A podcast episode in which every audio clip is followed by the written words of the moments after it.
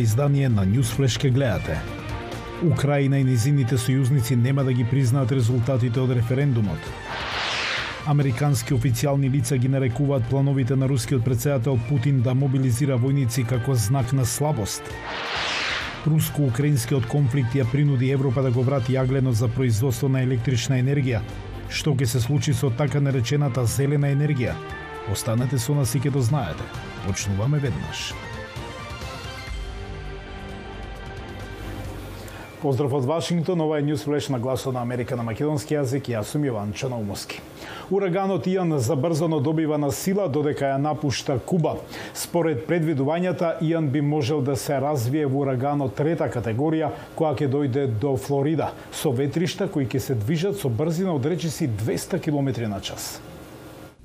Флорида се подготвува за можна голема катастрофа пред ударот на ураганот Иан – Гувернерот на Флорида предупреди дека неговата држава се соочува со закана од можна голема катастрофа откако ураганот Ијан, минувајќи низ Карибите, станува се посилен.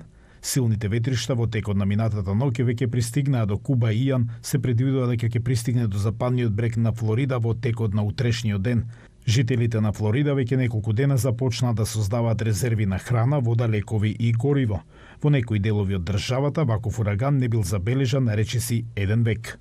Регионот околу Тампа би можел да биде погоден прв пат со ураганот по 1921 година и да се соочи со бранови високи и до 3 метри.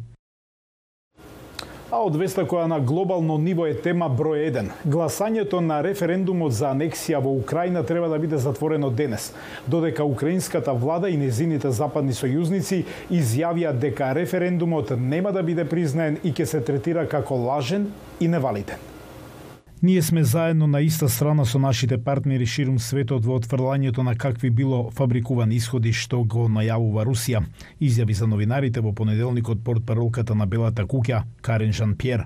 Што се однесува до на што го правиме, ние сме подготвени да наметнеме дополнителни, брзи и сериозни економски санкции на Русија, заедно со нашите сојузници и партнери, како одговор на овие действија што ги гледаме во моментов, ако тие продолжат со анексијата, рече Пьер.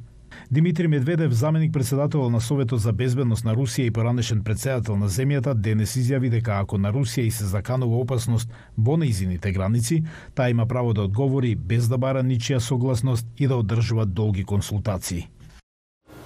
Американски официјални лица ги нарекуваат плановите на рускиот председател да мобилизира нови војници како знак на слабост. Еве ги деталите. Рускиот председател најави голема ескалација во руската војна против Украина, повикувајќи на мобилизација на резервисти за прв пат по Втората светска војна. Путин тоа го минимизираше. Повторю, речь идет именно о частичной мобилизации. Повторувам, Зборуваме за делумна мобилизација, односно на воена обврска ќе подлежат само граѓаните кои моментално се резервисти и пред се оние кои служеле во оружените сили и имаат одредени војни специјалности и соодветно искуство. Но рускиот министр за одбрана Сергеј Шогун јасно кажа дека 300.000 резервисти ќе бидат повикани да одат во Украина. Майкл Кимидж од Католичкиот универзитет за гласот на Америка вели дека објавата од Путин е изненадувачка и дека не е јасно какво влијание ќе има мобилизацијата врз исходот на војната. Поважно прашање е дали овие нови регрути можат ефикасно да се интегрираат во борбените сили и дури ако можат, дали стратегијата на Русија во Украина на вистина ќе даде различни резултати од оние што ги има. До сега тоа не беше победничка стратегија. Значи, дали нужно прави разлика да има повеќе војници со неефикасна стратегија? Не е јасно, но мобилизацијата сигурно ќе оди напред и може едноставно да биде прв чекор во многу поширока војна. Кимич вели дека со оваа мобилизација Путин го раскинал непишаниот договор со рускиот народ дека нема да го инволвира во неговите воени напори. Ако сте 25 годишник во Москва или Сан Петерсбург, пред една недела може би сте размислувале дека војната е нешто што не ве допира. Тоа е многу помалку веројатно денес. Како што можете да видите како резултат на тоа некои се обидуваат да ја напуштат земјата. Рускиот председател исто така го обвини Западот за нуклеарна уцена и рече доколку е загрозен територијалниот интегритет на земјата, без сомнение ќе ги искористи сите средства што се на располагање за да ги заштити Русија и незиниот народ. Тој беше категоричен. Ова не е блеф. Но Кристо Грозев од Белинкат за гласот на Америка верува дека прикриената нуклеарна закана на Путин не е многу веројатна. Во време на слабост на Путин, офицерите веројатно нема да ја послушаат таквата наредба затоа што слабиот Путин не може да им понуди заштита од идниот трибунал или од идната правда или дури од моралната правда во случај тој да не биде таму за да ги заштити. Мислам дека има многу блефирање од страна на Путин дека ќе користи нуклеарно оружје. Шансите да даде инструкции за употреба се многу мали. Најжестокиот ривал на Путин, затворениот руски лидер на опозицијата Алексеј Навални, даде видео изјава на суд и рече дека делумната мобилизација ќе донесе до крвопролевање и масовни трагедии. Во Москва и другите градови демонстрантите излегоа на улиците за да протестираат против чекорот за мобилизација на резервисти од страна на Путин. Многумина беа приведени.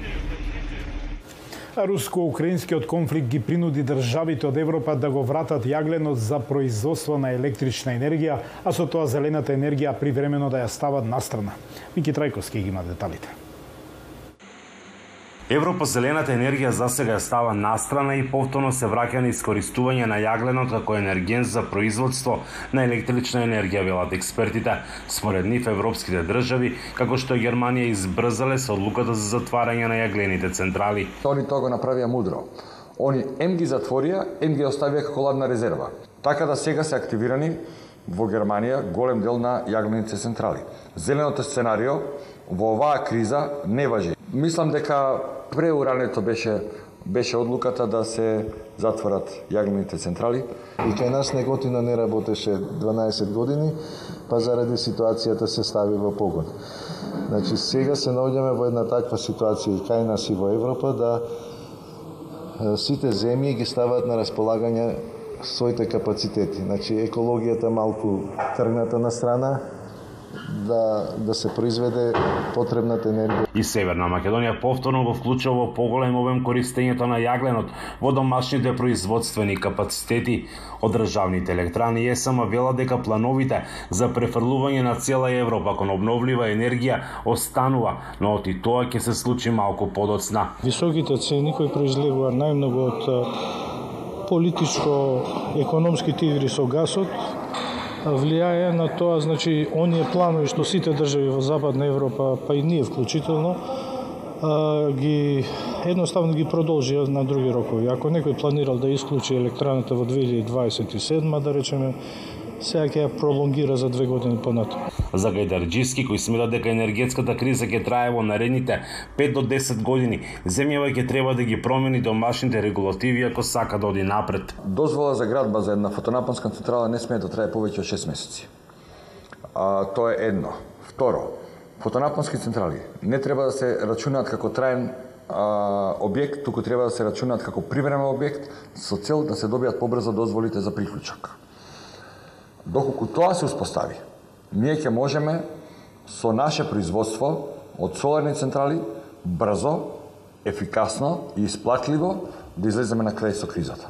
Иднината на енергетскиот сектор е во поставување на пловни фотонапонски електрани на вештачките езера, нешто што како потенцијал го поседува и земјава. Се а, поставуваат на површината на водата, а, тие ќе бидат со инсталирана моќност со годишно производство 850 мегавати, а тие би биле од огромно значење за Република Македонија, односно би се намалило испарувањето на водата, со тоа што би штеделе на вода. Во светски рамки се тоа е на самиот почеток од Охрид за гласот на Америка Мики Трајковски.